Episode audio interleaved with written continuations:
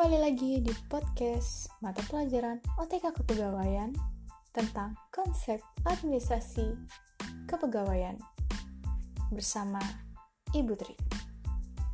Podcast sebelumnya kita sudah bahas sampai dengan penyebutan istilah tenaga kerja. Aduh, ada hayo, ada berapa? Ada empat yang kita bahas. Ada penyebutan pegawai, penyebutan karyawan, penyebutan freelance, tenaga lepas, dan juga penyebutan buruh. Sebenarnya apa sih pengertian dari keempat itu? Kita bahas satu-satu. Kita masuk ke dalam pengertian pegawai.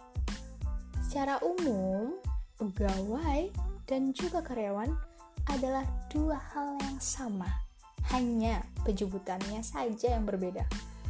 Pegawai atau karyawan adalah orang yang bekerja pada suatu organisasi atau lembaga, baik swasta ataupun pemerintah, baik pegawai tetap ataupun tidak tetap, untuk mendapatkan upah atau gaji dalam rangka memenuhi kebutuhan hidupnya. Nah, istilah pegawai ini sering kali diucapkan untuk orang yang bekerja di instansi pemerintahan negeri. Contohnya kementerian ataupun lembaga pemerintahan non-kementerian. Sedangkan istilah karyawan sering kali diucapkan untuk orang yang bekerja di instansi swasta.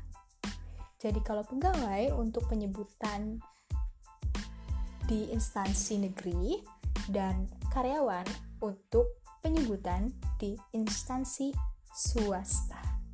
Oke, kita sudah tahu pengertian pegawai, kita sudah tahu pengertian karyawan, kita sudah tahu penempatan pegawai di instansi apa, kita juga sudah tahu penempatan karyawan di instansi apa. Lanjut kita bahas dua hal di luar karyawan dan juga pegawai, yakni ada buruh dan pekerja lepas atau freelance. Buruh adalah sebutan karyawan, berarti buruh sudah pasti ada di uh, instansi swasta.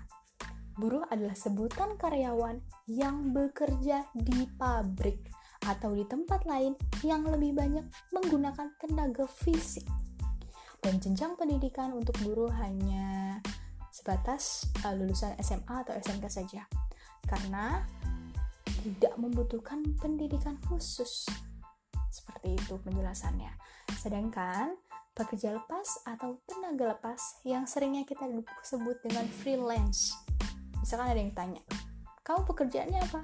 oh saya freelance oke freelance itu adalah penyebutan untuk tenaga lepas atau pekerja lepas adalah pekerja yang hanya diperlukan sewaktu-waktu, bergantung pada ketersediaan pekerjaan. Contoh nih, kalian pasti tahu PRJ dong. Nah, kadang ada yang suka share locker atau lowongan kerja tentang uh, siapa nih uh, eh, PRJ itu sedang membutuhkan banyak orang untuk mengisi event itu, baik dengan orang yang menjaga uh, parkir atau orang yang loket tiketing atau di stand-stand bazar lain gitu. Nah, kamu sedang liburan sekolah nih dan saat itu PRC sedang membuka lowongan untuk menjaga loket tiketing dan hanya berlangsung selama beberapa hari atau beberapa bulan saja sesuai dengan tanggal yang ditentukan. Dan jika kamu berhasil mendapatkan pekerjaan tersebut. Berarti kalian disebut sebagai tenaga lepas. Dan ketika event PRJ telah berakhir, berarti kalian menjadi tenaga kerja. Seperti itu. Jadi hanya berlangsung per event saja atau kalau ada acara saja gitu atau ada pekerjaannya aja gitu. Itu salah satu contohnya. Oke, kita sudah tahu ya penyebutan istilah pegawai, karyawan, buruh, dan tenaga lepas. Sekarang kita masuk ke dalam istilah kepegawaian. Kepegawaian adalah segala sesuatu yang berkaitan dengan kedudukan,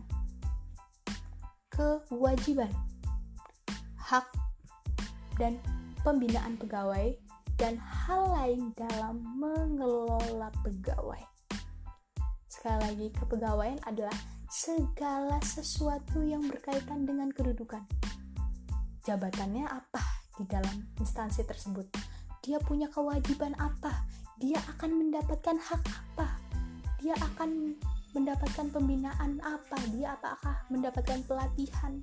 Apakah dia akan mendapatkan diklat atau hal yang lainnya yang menyangkut tentang pegawai itu disebut dengan kepegawaian. Dari penjelasan tentang istilah pegawai dan kepegawaian dapat disimpulkan bahwa pegawai merujuk kepada perorangan, pegawai, karyawan, buruh, sedangkan kepegawaian adalah proses kegiatan mengurus orang. Kepegawaian apa, Bu? Kepegawaian adalah proses kegiatan dalam mengurus orang. Mengurus orangnya itu apa aja? Mengurus orang baik dalam kedudukannya, baik kewajibannya, baik dengan haknya, baik dengan pembinaan pegawainya. Seperti itu. Jadi, dapat disimpulkan dari konsep administrasi kepegawaian adalah kegiatan administrasi yang terdiri dari merencanakan, mengorganisasikan, mengembangkan, dan mengendalikan yang berkaitan dengan pegawai. Dan penjelasan administrasi kepegawaian yang akan dibahas di materi-materi selanjutnya ini lebih mengarah kepada pegawai, artinya bekerja di instansi negeri atau instansi pemerintahan. Seperti itu. Baik, terima kasih atas 7 menitnya dan sudah mendengarkan podcast Ibu. Terima kasih sudah mendengarkan.